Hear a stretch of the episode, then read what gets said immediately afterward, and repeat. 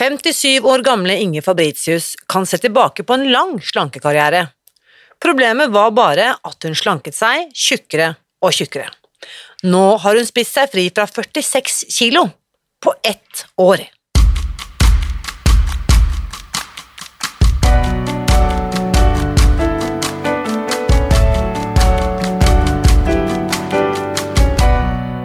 Mitt navn er Irina Lie. Jeg er journalist og forlegger, gründer og sosial entreprenør. I 2015 spiste jeg meg fri fra overvekt og fedme etter å ha slitt med vekt, kropp og følelser i nesten 30 år. Etter at jeg knakk koden, ga jeg meg selv et nytt oppdrag – å dele denne kunnskapen med alle som trenger det. I denne podkasten kan du derfor høre hele lydboken Spis deg fri.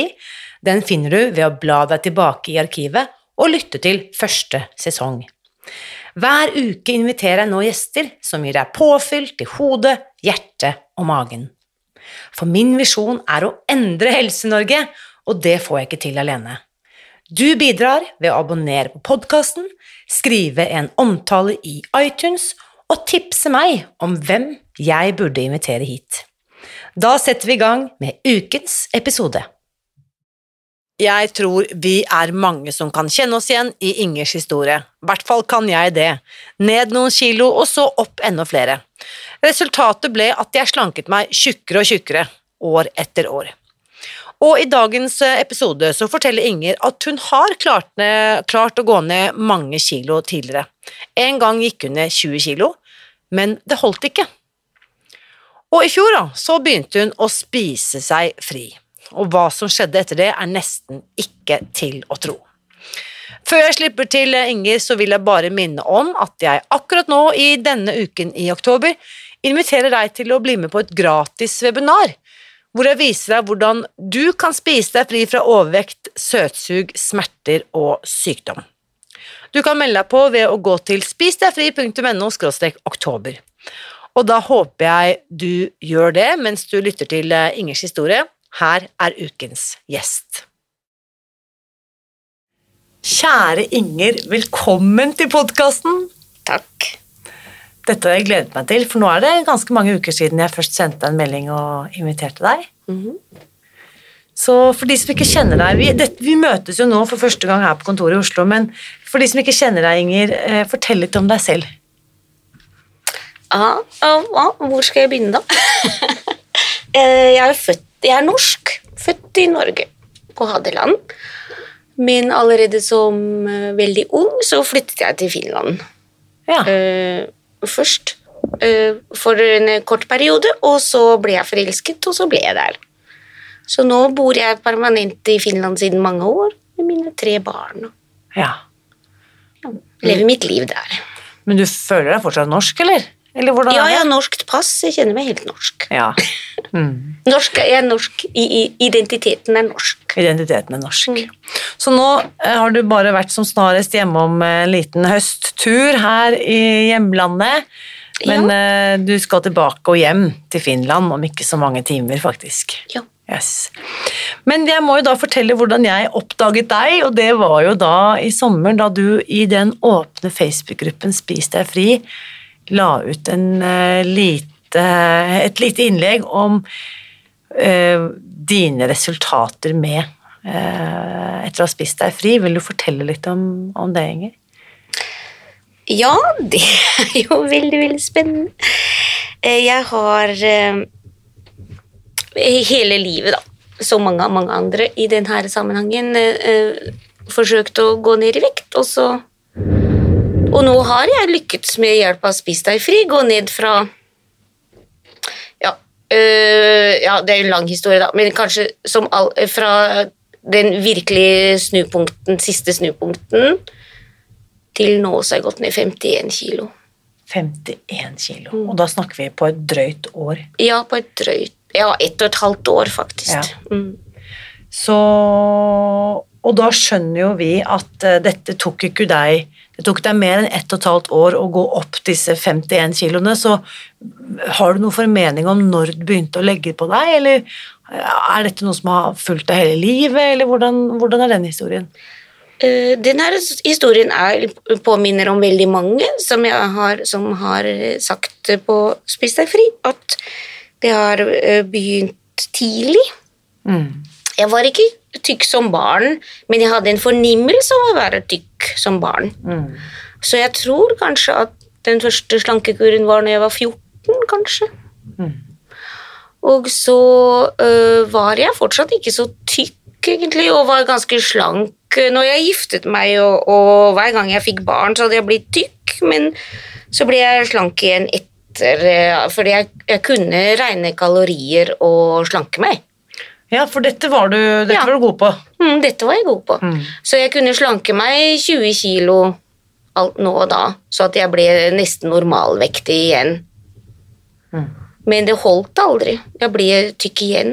Og så hele det der kjøret igjen med dårlig selvbilde og selvfølelse og Mm. følelsen av å, å være feil Mm. var der. Uh, og etter når jeg kom til overgangsalderen, da, så da tok det av helt. Jeg kan spørre, fordi, hvor gammel er du nå? Nå er jeg 57. Ja. Så overgangsalderen, at da, da gikk det helt galt, sier du? Ja, 47 pluss et eller annet, så, så da øh, hadde jeg den følelsen av at dette gidder jeg ikke mer, jeg vil ikke slanke meg mer. Mm. Og så prøvde jeg kanskje med å være litt, sette noen slags grenser for meg selv, men det hadde jo ingen effekt, så jeg bare ble tykkere og tykkere. Mm. Tjukkere og tjukkere.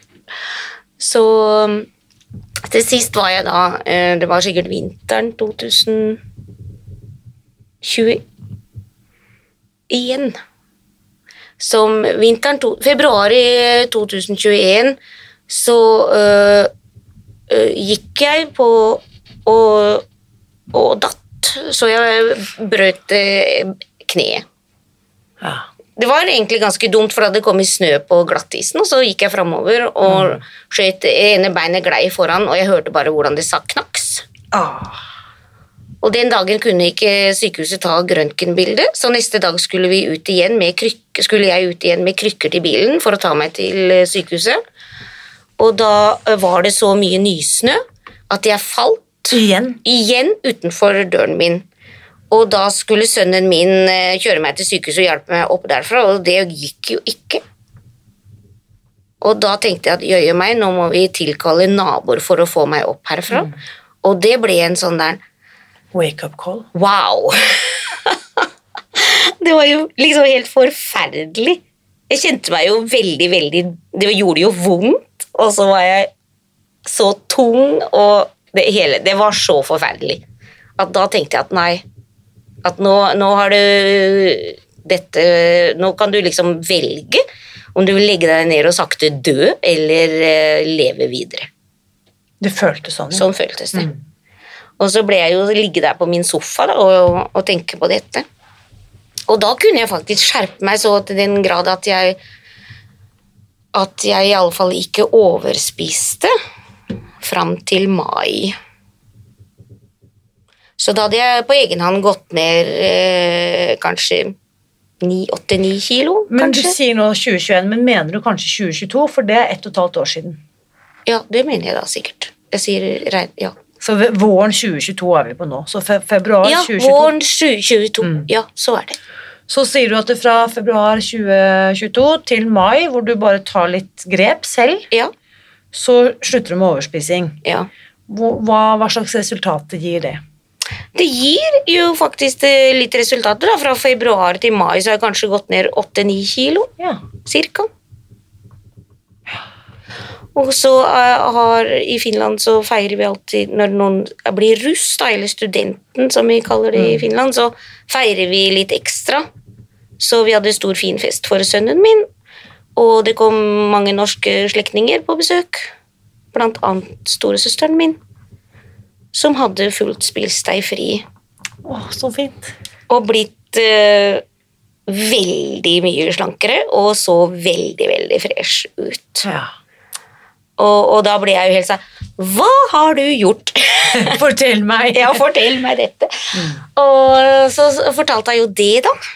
Uh, og da uh, hadde jeg Kjøpte jeg ikke boka da, men jeg tenkte på det. Men jeg, eh, googla jo denne saken og kom fram til denne podden, der denne lydboka er lest inn. Mm. Og så gikk sommeren litt så der i sus og dus. Jeg tror ikke jeg egentlig overspiste, men jeg prøvde nok å holde igjen lite grann. Men jeg kanskje gikk opp igjen eh, lite grann. Mm. Og så mot slutt så hadde jeg en deilig lang sommer her i Norge. Var oppe i Nord-Norge. Og når jeg skal kjøre bil fra Rødøy kommune til Umeå og over til Vasa med båt og ned til Espo i Finland, så hørte jeg for andre gangen på podden Ja. mens jeg spiste ostepop. Ja. Du er ikke den eneste. Det har vært mye, mye rart som er blitt fortalt mens folk lytter til podkasten. Ja, sikkert. Men eh, da når jeg kom ned til Espo, da, så var jo kjøleskapet tomt, naturligvis. Og da gikk jeg til butikken, og da tenkte jeg bare spis deg fri. Nettopp. Og det, og det råka seg da å være 1. august Ah, 1. august 2022. 2022. Som jeg virker Som jeg Da bestemte jeg at nå er det sånn. Det ble dag én. Det ble dag én. Og folk har jo pratet om eh, sånn der illemåen og vanskeligheter og sånn, men det opplevde jeg egentlig ikke. Så fantastisk. Jeg, jeg, jeg var liksom bare helt veldig, veldig, veldig hekta og inspirert og tagga og ville bare få det gjort. Så, og, så jeg syntes ikke dette var noe vanskelig. Det gikk egentlig bare som det suste. Ja. For det er jo en overgang, åpenbart, selv om du hadde gjort noen grep i løpet av våren. Mm. Så Så hva er det du husker fra disse første augustdagene da i 2022, når du, når du setter i gang? Hva, hva er det som på en måte kanskje overrasker deg mest, eller er mest Ja. ulikt av det du tidligere har gjort? Ja, det er jo kanskje innstillingen, da. Ja. Eh, Jeg tror det er faktisk innstillingen. Fordi jeg tenkte jo på det, så klart. Fordi jeg har veid og telt kalorier og holdt på før, og det har jo gått bra. Men nå var det kanskje innstillingen, for, for jeg begynte å tenke at hva er, hva er det da som hindrer meg fra å gjøre dette? Så det er, da er det kanskje én sak er da kanskje den der uroen for at andre skal synes at er slutt med det der og gi deg med det der, det er jo bare tull og ta i en kakebit, eller i dag kan du vel, eller et eller annet sånt, hadde jeg trodd at folk skulle si. Og det var kanskje litt sært. Ja, det er jo kanskje litt sært. Men så tenkte jeg også at jeg har jo venner og, og slektninger også som, som må følge en viss eh, cøliaki, for eksempel. De kan jo aldri spise gluten. Og det er jo aldri noen som sier at «Nei, ta en brødskive her, Ja, ikke sant. spis litt gluten. Ikke vær så sær. Ikke vær så sær. Det er ingen som sier det Det til det en som har ingen, cøliaki. nei, det er ingen som sier det. Så da begynte jeg å tenke at ja, kan dom, så kan vel jeg. Mm.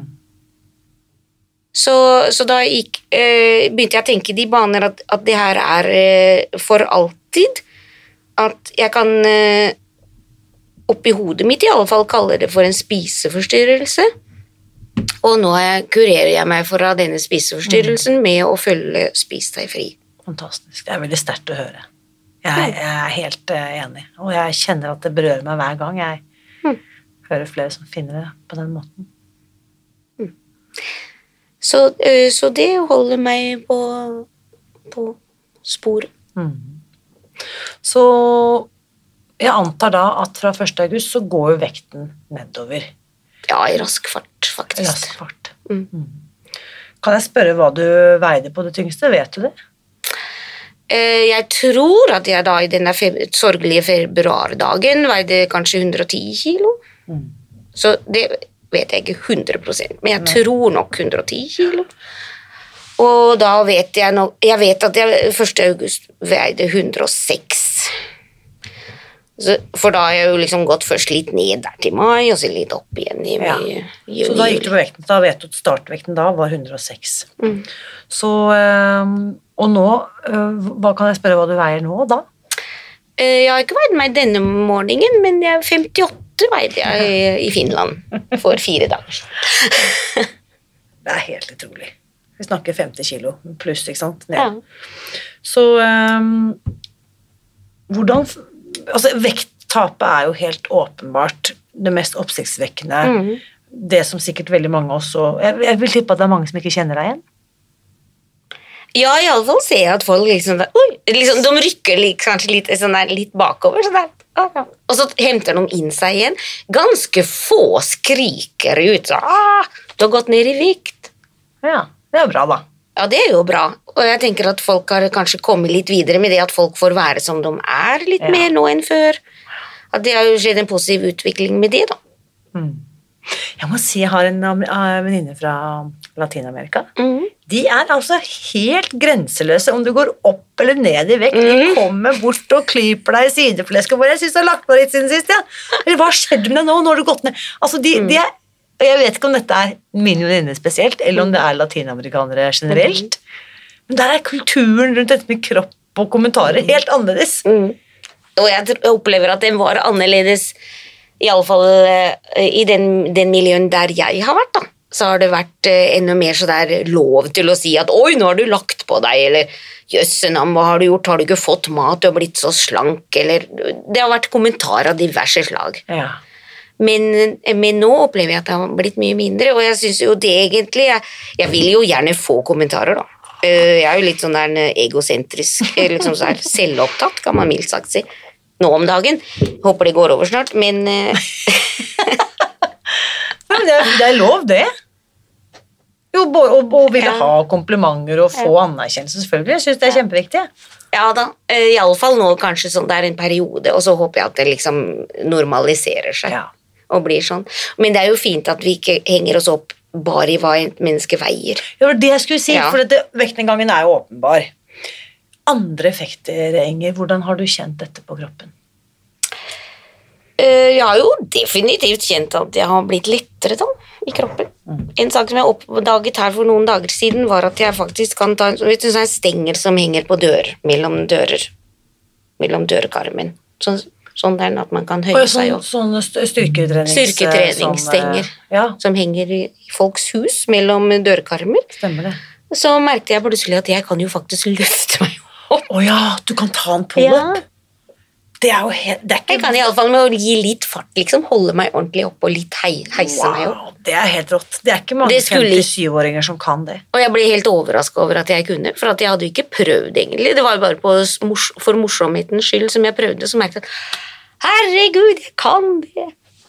Du vet, Da kan du gå på lekeplasser, vet du, der hvor liksom barn og Ja. andre sånne små barn, og så er det masse voksne menn som Mm. Ja. trener på sånne apparater. Mm. Da kan du gå Tuftepark heter det. Ja. Så kan du gå og ta noen pullups. Det kan jeg.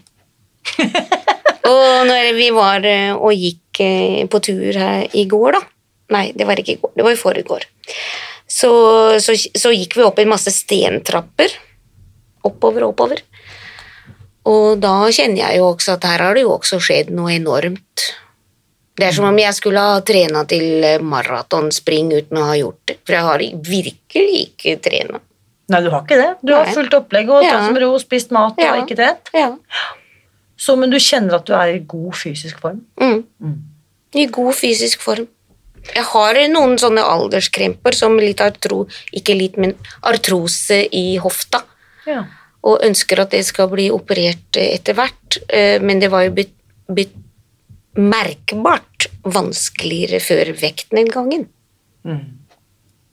ja, ikke sant. Hoften er jo fortsatt vond og stiv og kjent hoven og sånn, men det, den, den er enda i alle fall merkbart bedre. Ja. Jeg tenker også på dette kneet ditt som du Mm. brakk, da, ikke sant? Mm. Skadet i våren, februar 2022. Mm. Eh, den rekonvalesensen der må jo så åpenbart ha gått bra, men hvordan er det med kneledd og sånne type verk nå? Mm, det gjør seg jo iblant litt påminnet, men ganske bra ennå. Men der lovet legen Lovet og lovet. Men han sa at jeg kan regne med å få artros før min aldersgruppe. Fordi det hadde lekt inn menis, lekt ut meniskvæske fra det der bruddsåret. Såret. Så det har en sammenheng med artrose? Ja, og så sa han. Ja. Og jeg kjenner iblant at det gjør at det er litt ømt og sånn. ja. Så jeg tenker at, eh, at det er lettere at ikke, Det er bedre for meg å ikke ha 50 kilo å dra på. Ja, ikke sant. Altså, jeg bare tenker på 50 kilo. Altså, jeg har uh, vært litt på treningssenteret siste og løftet på en sånn kettlebell Ja. som er 16 kilo. ikke sant? Det er jo så vidt jeg klarer å løfte den opp på hyllen, for den er tung. Mm. Og så ser jeg de gutta som holder på med 20 og 32 Ja. og sånn. Men vi snakker 50 kilo. Ja. Og man skulle liksom Jeg vet ikke om man skulle ha sukkerpakker eller hvetemjølpakker, men eh, det blir jo veldig mye å bære. Jeg kan jo ikke tenke meg å gå på noen fotvandringer med 50 kilo på ryggen. Ikke sant? Tenk deg det. Da skulle jeg dette over ende. Jo, altså, jeg, jeg, en annen ting er hvis noen har, eh, kanskje andre enn eh, i tillegg til meg, har blitt hekta på sånn vektdyne. Mm.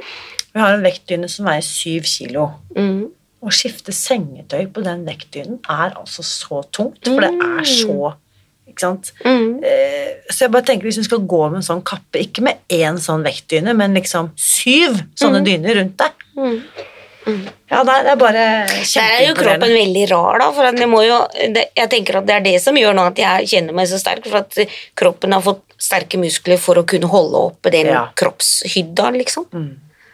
Og så nå har jeg ikke den eh, kroppen, Mm. eh, så vekten, så nå kjenner jeg meg veldig lett på foten. Ja. Hvordan var overgangen til det å vedlikeholde vekten? Eh, Hvordan har det vært for deg? Ja, det var, eh, det var en utmanning. Ja. For først så kjente jeg instinktivt at det her vil jeg ikke. Du ville ikke over på vedlikehold? Nei, jeg vil fortsette, sånn som det kjennes trygt og bra. Ja. Jeg kjente liksom at nei, jeg kan ikke sette til noe, for da blir jeg tykk igjen. Ja. Tjukk på et øyeblikk. Så først måtte jeg gå noen runder med meg og bare bestemme at nå må du begynne, for at det, du skal ikke gå ned mer i vekt. Og så hadde jeg jo gått eh, Kanskje første halvåret i alle fall gikk jeg veldig raskt ned i vekt, og så avtok det jo og gikk saktere og saktere, men det hadde ikke avstoppa. Så til sommeren eh, så bestemte jeg at nå må jeg begynne å legge til noe. Og så la jeg til bare én sak, og så merket jeg at men egentlig holder du på å gå ned nesten liksom en kilo i uken i alle fall. Så satte jeg litt til, og så satte jeg litt til, og nå har jeg satt til fem, da. Så nå spiser jeg også en porsjon protein til til frokost. Ja. Så hvilke tillegg er det du har da? Hvilke, hvilke fem tillegg er det du har da? Jeg tror at jeg begynte med å sette et halvt os eh, havregryn til grøten, Til frokosten? til frokostgrøten. Og så fortsatte jeg med kokte korngryn, eller korngryn, da. Det er noen poteter og gno, knoa og sånn. Gnoa som det Hva heter det egentlig? Quinoa? Quinoa. Jeg kan aldri uttale det. Quinoa eh, spiser jeg da til eh, Først begynte jeg med det til lunsj, og nå har jeg også satt det til middag. Og så har jeg satt frukt til middag, Ja. og så har jeg satt eh, En ekstra protein nå, da. protein til frokost. Hvordan er mengden? For dette er ganske mye mer mat, altså i omfang. Hvordan ja, det er et praktisk den? problem, for at jeg må virkelig trykke på lokket på lunsjasken min. Ja. Matboksen bare matboksen bare bugner. ja. Men jeg vil ikke ha større, for den er liksom akkurat passe til, det, til den veska. og sånt, så Jeg jeg, vil liksom at det skal Jeg trykker ned det. Uh, ja, det er veldig mye, da. Og iblant så tenker jeg når det blir mye Om jeg tar eh, litt mer salat og sånn, så blir det jo en veldig høg, så da kjennes det jo litt nesten sjenant, liksom. Nesten ikke plass til det på tallerken. Så, og, så er det, spiser jeg re, spiser relativt tidlig lunsj. ja. Så da hender det at jeg må ta fram lunsjen min før andre er fra, ferdig til lunsj. Og da spiser jeg da en enorm porsjon uh, lun, en proppfull lunsjlodd og ennå frukt. Og da kjenner, jeg, da kjenner jeg at jeg liksom må forklare at, at, at jeg må holde meg slank, så jeg må spise. Det blir jo litt bakvendt. Mm. Det er en herlig historie med en mamma, og hun har to gutter, en, en venninne, og så hadde hun sagt til guttene sine da, at eh, dere må spise grønnsaker så dere blir store og sterke. Mm. Og så hadde guttene svart at, eh, eller den ene sønnen hadde svart at men mamma, du spiser jo kjempemasse grønnsaker, og du blir bare tynnere og Ja. Så dårlig argument. så liksom, det var jo for så vidt sant. Ja. Eh, Nei da. Så nei, men jeg, jeg, jeg, jeg liker den, og jeg syns også med, med barn selv også, så syns jeg det har vært så fint da, i den prosessen som jeg gikk ned i vekt, at jeg må veie maten, for jeg må passe på at jeg spiser nok mat. Mm. Og det var jo veldig troverdig når jeg da kom med de kjempeporsjonene. For at det, alle andre slankekurer har jo vært jeg må veie maten for å passe på at jeg ikke spiser for mye. Mm. Men her snakker vi jo ja, som du sier, det bugner jo. Mm, det gjør det. Og det er god mat og Jeg har, eh, det, jeg har eh, eh, kanskje en fordel med det at jeg er Min første utdannelse var kokk. Ja. Så øh, på den måten så kan jeg jo en del om næringslære og en del om god mat og hvordan man kan kombinere mat. Så jeg har aldri opplevd at jeg har øh, hatt kjedelig mat eller øh, hatt vanskelig for å bestemme hva jeg skal spise, eller finne varianter så at det ikke skal bli for kjedelig og sånn. For du har ikke blitt godt til den der Mange snakker om at de blir matleie etter en stund, men du er ikke der. Ikke ennå, i alle fall. Og jeg har tenkt å kjenne etter også litt, grann, at jeg varierer meg litt. Om jeg kjenner at, at jeg får litt, litt sånn der en sug et eller annet, så tenker jeg at ok, ja, det kan du jo ete, så da et en stund.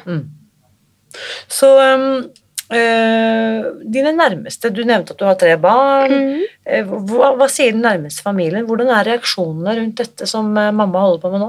Mm, Jeg tror faktisk at de er veldig på min side og heier på meg. Ja. At eh, de, Ja, det gjør de. Jeg tror at de kanskje var litt vet du, uro, urolige at jeg hadde dårlig helse, hvilket for at jeg eh, haltet jo fram med hofte og overvekt og var veldig stiv og sånn. Mm.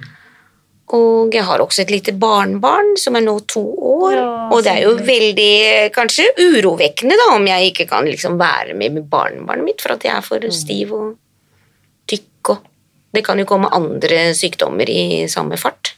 Selvfølgelig. Så eh, nei, faktisk bare positiv feedback fra ungene mine. Og veldig mye støtte og heia. De heier på meg. Det er så viktig, altså. Og jeg tenker også du og storesøsteren din, hun må jo også være utrolig stolt av at eh, du har blitt så inspirert og motivert, og det hun har gjort. Jeg tror at hun er det. Jeg sa, for at vi, vi hadde jo sånn, faktisk en sånn lek, eh, sånn her kort, som eh, gir Sånn bordkort som man har for å underholde seg. Og der kom det opp noen saker som man skulle bli inspirert av. At hva blir du inspirert av? Og, og da nevnte jeg da at jeg blir inspirert av deg. Og da så jeg faktisk i øynene at du ble nok litt glad for det. Ja, så fint. Tenk så, tenk så verdifullt, sånn som du sa i stad, mm. at du vil veldig gjerne ha anerkjennelse og sånn, og så tenker jeg tenk så, tenk så mye flinkere vi alle sammen, her inkluderer jeg meg selv, da, vi kunne vært til å gi andre også anerkjennelse, sånne ting som det Ja. der, ikke sant? Ja. Det er jo ikke ofte jeg har sånne samtaler med mine søstre heller, at liksom jeg setter pris på deg, jeg, jeg er inspirert av deg, jeg er stolt av deg, jeg er glad i deg. I hvert fall, det, er- det er ikke kultur for det i vår familie. Nei, ikke norsk kultur i det hele tatt. Det er ikke det norsk kultur kanskje i det hele tatt. Nei. Så, og det- kan bety så mye. Altså bare, Mm. Nå blir jeg skikkelig inspirert Inger, til å Hvem skal jeg ringe til etterpå og si sånn Jeg må bare Ja, si at du kan du. inspirerer meg. ja. Og du inspirerer meg. også. Jo, ja, Mm. men tusen takk. Og jeg, og jeg må bare si tusen takk for det, for det, sånn som den det bildet da, du la ut i sommer nå, da, Mm. og det kan vi jo dele i forbindelse med denne podkasten her også, i den åpne Facebook-gruppen Spis deg fri. Mm. Så legger du ut et bilde med Bildene er tatt med nøyaktig ett års mellomrom. Det var vel 31. juli, Mm. Og så sammenlignet da med juli 2022. ikke sant? Mm. Det er to forskjellige mennesker. Ja, det er jo det. Sikkert også på veldig mange som er mentale plan et annet menneske. Det er samme, men også et annet. Kan du sette noen ord på det? Hva, hva tror du, hva føler du at har endret seg der? Eh, kanskje fremst det at eh, Jeg tenkte konstant, tror jeg, på hvordan jeg så ut, og hvordan andre oppfatta meg. Og jo, nå er jeg jo veldig selvopptatt og går og prøver nye klær og, og blir glad for komplimenter og sånn. Eh, Det gjør jeg jo. Så det har jeg jo fått mye av. Men, eh, men samtidig så, eh, så sitter jeg ikke og holder inn magen eller lurer på hvordan andre ser på meg. Jeg er mer avslappa i meg selv. Ja. På en roligere, på en helt, helt annen måte enn før. Så når du også sier at du kanskje startet på din første slankekur da du var rundt 14, og, og nå er du 57, så vi snakker liksom Du har 40 pluss år med erfaring av å ikke få det til. Mm. Og Og nå- kjenne at det er liksom noe feil på meg. Og også kanskje da når jeg hadde tidligere gått ned i vekt, så at jeg var litt slankere, så, så, så var jeg ikke avslappa på den måten som Nei. jeg er nå. Nei, for du visste at det på en måte ikke var noe solid? Ja det, var, ja, det var så tungt. øh, øh, Når det nærmet seg slutten, så ble jeg jo lei av det jeg holdt på med, og jeg hadde liksom ikke noe verktøy for å fortsette. Så det gled jo veldig fort tilbake til gamle vaner. Det var for strengt, kanskje, for lite kalorier, og for eh, Jeg hadde ikke den samme innsikten som jeg har nå. Nå vet ikke jeg hvordan det er i Finland, men her eh, i Norge, og det har jeg også snakket om mye det siste denne høsten, nettopp dette her med slankesprøyter og slankemedisiner. Er det eh, noe som er i samfunnsdebatten i Finland om dagen? Ja, absolutt er det jo det. Det er jo, øh, det er jo alle verdens Det er et stort problem i Finland også, med overvekt? med overvekt. Ja. Precis, akkurat som i Norge og andre deler av verden. At folk eh, lider av overvekt og eh, leter desperat etter forskjellige metoder. Og da tenker jeg at eh, om et menneske finner en metode som passer inn, så hurra. Absolutt, jeg er helt enig. Vurderte du noen gang å begynne på Altså med 50 kilo så hadde du en BMI som må ha vært ganske høy. Jeg vet ikke hvor høy er du? Jeg er 1,65.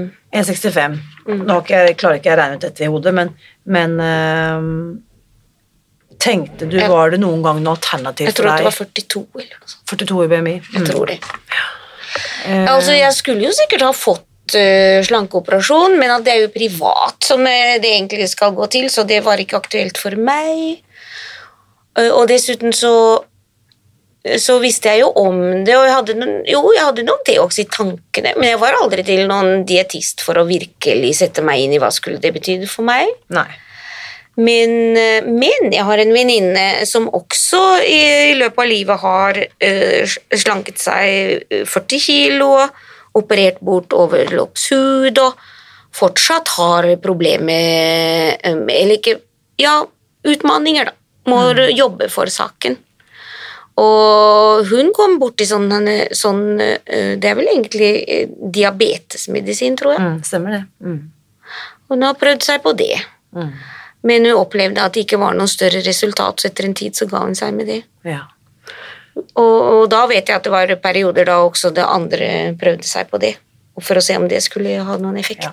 I Norge er det blitt ekstremt populært. Ja. Veldig, veldig populært. Så det kan nok finnes sånne som og i alle fall til en viss grad og over en viss tid kjenner at de får noen effekter av det. Ja, da, og, jeg, og jeg er helt enig med deg. Altså, jeg, jeg tenker også Jeg hadde jo da 30 år bak meg før jeg fant dette, ikke sant? med ulike til dels desperate forsøk på å gå ned i vekt. Mm. Og jeg kan ikke utelukke at jeg også hadde gjort noe sånt. Jeg gikk jo på slankepiller en periode i 20-årene, Mm. Og det var jo helt for jævlig. Altså, unnskyld, eh, men det var forferdelig grusomt. Altså bivirkningene Mm. var grusomme. Effekten var jo der. Jeg gikk jo ned i vekt. Mm. Så Jeg har en gang tror jeg også kjøpt på nettet liksom, noen slankepiller, men så når de kom, så ble jeg tveksam og tenkte at nei, det her skal du ikke begynne med. Så kunne jeg liksom samle meg til fornuft og bare gjøre meg av med det. ja. Jeg spiste Men men hvis du går altså inn på et desperat. Jo, men altså, Hvis du går inn på et apotek, et hvilket som helst apotek, enten Ja. i Norge eller Sverige, Mm. sikkert det samme i Finland, Mm. og så ser, ser man på den hyllen der de har vektreduserende tabletter og piller og sånn, reseptfritt, Mm. det er ikke bra greier, altså. Nei, det er det ikke. Altså, Jeg vet Mm. ikke hva de virkestoffene er oppi der, men jeg ville ikke ha puttet det i kroppen min. Nei, det er jo skummelt, og det har, jo- jeg, jeg vet ikke egentlig om noen som på riktig deler har fått noen varig effekt av det. Ja, Det kan jeg nesten ikke tro. Altså, Jeg har jo møtt mennesker som har gått på pulver Ja. i årevis. Ja. Og da tenker jeg på sånn som du snakket om bakgrunnen som kokk, ikke sant? med Mm. matkvalitet og gl matglede.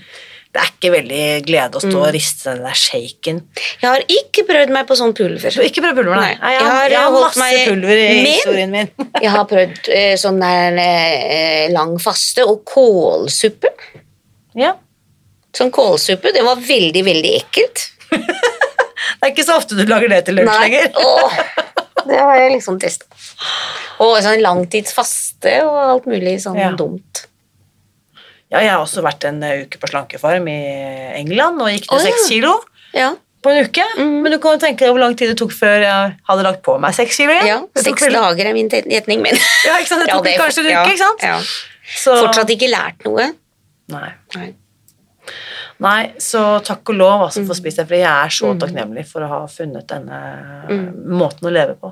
Mm.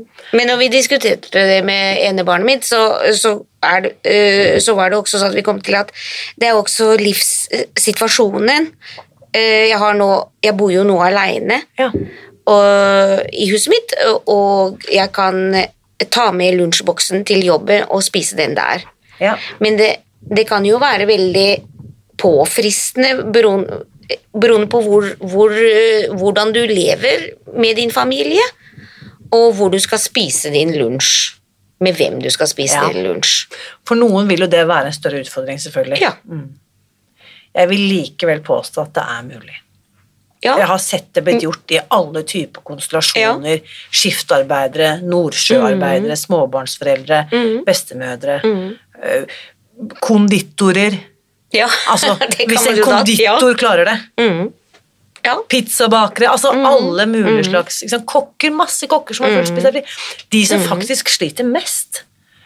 Og her må jeg bare sende liksom ut en hyllest til alle som klarer det. Det er altså sykepleiere.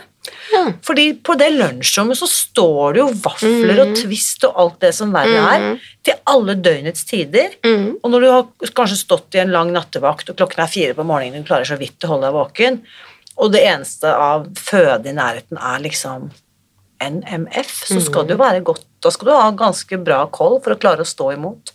Så er det. Så jeg tror at, at eh, hver og en må gå til seg selv og, og kanskje da høre litt nøye på den der podkasten et par ganger og, og se om det er noe for en. Ja, ikke sant? Og bare teste. For de som ikke har fått med seg dette ennå, også i første sesong av denne podkasten, hvis du spoler tilbake helt til liksom august 2019, hele den høsten 2019, så er det altså hele lydboken som ligger kapittel for kapittel, uke for uke. Så den har du hørt minst to ganger, da. Minst. Kapittel 14 har jeg nå hørt på ekstra mye, da. Ja, ikke sant? Det er ja. Kan du huske, Inger, når du tenker tilbake eh, både på den bilturen og tidligere, hva var det den boken som spesielt liksom poppet ut, som du virkelig liksom la merke til og tenkte at dette her endrer alt?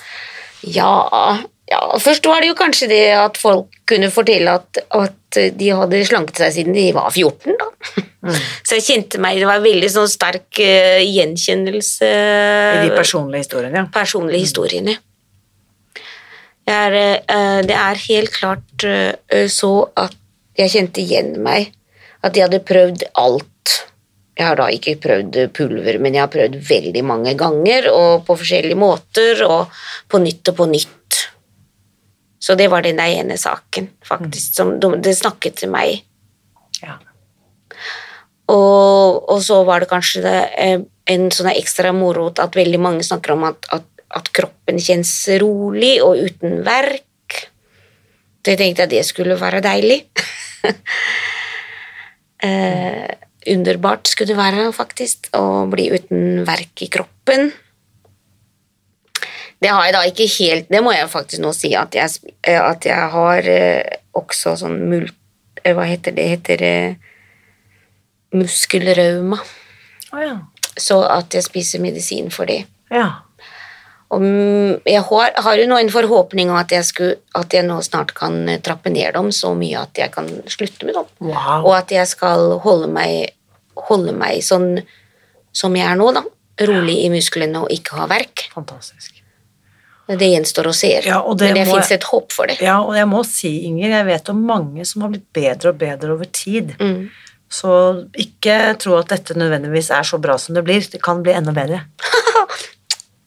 Altså blir det enda bedre, så da begynner jeg å springe maraton. Med sånn vektbelte, så Med ikke du skal ta helt av. Absolutt. Um, hva sier legen din? Legen eh, sier altså det, det her er en sak bra at det kom opp, for det er, eh, er fint å få sagt høyt. Og det er at når jeg var tykk, så gikk jeg til legen og sa at jeg har verk i kroppen, jeg har verk i kroppen, jeg, det gjør vondt i hoften, og de tok bilder, og ja, du har artrose. Mhm, mhm, Du kan gå hjem. Du kan spise Panadol forte. Er det smertestillende? Det er smertestillende. Og så hadde jeg gått ned 35 kilo, så da var det kanskje da her etter jul en gang eh, som jeg gikk og sa at nå har jeg faktisk gått ned 35 kilo, jeg har fortsatt vondt i kroppen. Det gjør veldig vondt i kroppen, i muskler og i artrosen, og alt gjør vondt. Og da kom jeg plutselig på en, eh, på en sånn venteliste at jeg kunne få treffe en artoped. ortoped. Ok! Og nå er jeg på venteliste til å bli operert i hoften. Så det var rett og slett i runde én, så var det, uten at de sa det, så var det fordi at du var for tjukk. Hm, Det sa de jo aldri høyt, men jeg drar den sluttsatsen. Wow. Og det vet vi jo fra mange undersøkelser, at overvektige og folk med fedme blir diskriminert. Ja, det tenker Også jeg. tror at jeg ble diskriminert. Og jeg tenker også at den er verken i kroppen Jo, visst, den har sikkert med overvekten å gjøre i seg. 15 kilo er helt sikkert bra å bli av med. Men det var eh, også da så den eh, legen eh, tok det også litt mer på alvor, og begynte å ta en veldig, veldig mange flere blodprøver enn hva som tidligere har blitt tatt. Og da kom hun, kom hun fram til at jeg har eh, muskelrauma. Ja. Jeg må bare si noe om å legge til det mens vi snakker om fastleger og helsepersonell, at hvis du som hører på er helsepersonell og har lyst til å ha tilsendt gratis informasjonsmateriell som du kan gi gratis til pasientene, så kan du gå til spisdegfri.no fastlege og legge inn ditt navn og adresse, så sender vi det gratis i posten til eh, deg. Og da er, du trenger ikke være fastlege, men kanskje er du eh, veileder av noe slag, eller kiropraktor, eller fysioterapeut, eller personlig trener. Alle dere som jobber med pasienter med fedme og overvekt. Legg inn navnet på spisdegfri.no fastlege, og så sender vi deg dette infomateriellet. For jeg tror kanskje det er det viktigste, at flere i helsevesenet får vite om dette, tenker jeg. Og det er jo heller ikke så veldig lett til å ta seg i kragen og, og, og få noe gjort om man har veldig, veldig mye verk i kroppen. Nei, ikke sant. Så da tenker jeg at, at også uh, tykke mennesker Man kan ikke bare si at du er tykk, så du kan skylde deg sjøl. Gå hjem. Man må kunne tilby en løsning. Ja, det syns jeg. Og jeg, øh, på alle, alle overvektige folks vegner så kjenner jeg meg på den måten. At jeg er på deres side, da. Jeg er så enig. Til den som hører dette nå, som kanskje sitter med 50 kilo overvekt, kanskje en BMI på 42, sånn som du hadde, ikke sant? Hva vil du si til han eller henne? Eh, hør på denne podkasten. les boken, eller eh, hør på podkasten. Ja. Mm. Begynn å, å se om den uh, snakker til deg. Om den ikke snakker til deg, så kanskje det fins en annen løsning. Og om du har verk i kroppen, så tenker jeg at gaska opp deg og tenk at det er ikke Det er liksom ikke din skyld at du er tjukk. For at det er eh, et eller annet annet som ikke er oppfunnet ennå, helt eh, 100 Noe som ikke helt virker, og derfor blir vi tykke, og det er eh, Vi kan jo så klart ikke alltid bare si at det er noen andres skyld. Men det er et eller annet som gjør at det blir liksom overstigelig vanskelig å bli av med overvekt. Så nå har jeg funnet en metode som passer meg, og kanskje passer det deg. Prøv det. Fantastisk. Det var en fantastisk fin oppmuntring her på slutten. Tusen, tusen takk, Inger, og takk for den viktige jobben du har gjort for deg selv først og fremst, og også ringvirkningene skaper for mange, mange andre. Så tusen, tusen takk. Ja, om det kunne vært inspirasjon for noen, så vær så god.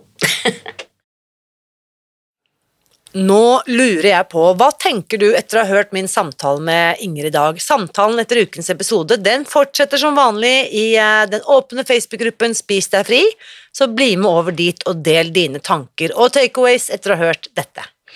Og som Inger sa i dag, kan de, så kan jeg.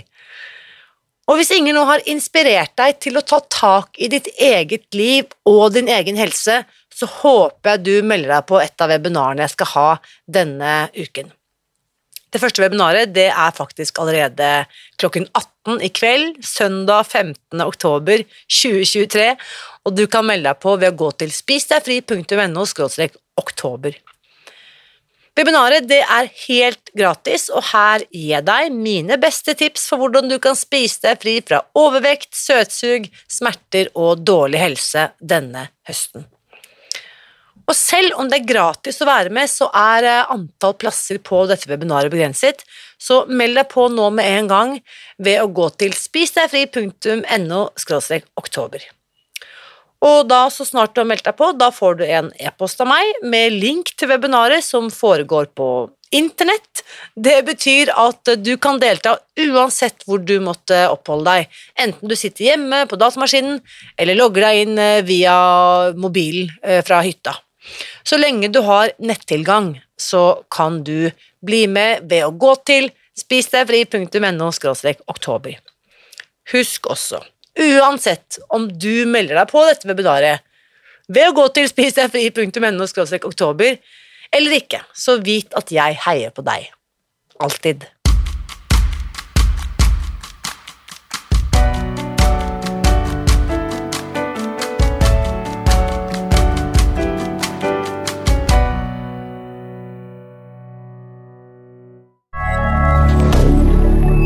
milliardaire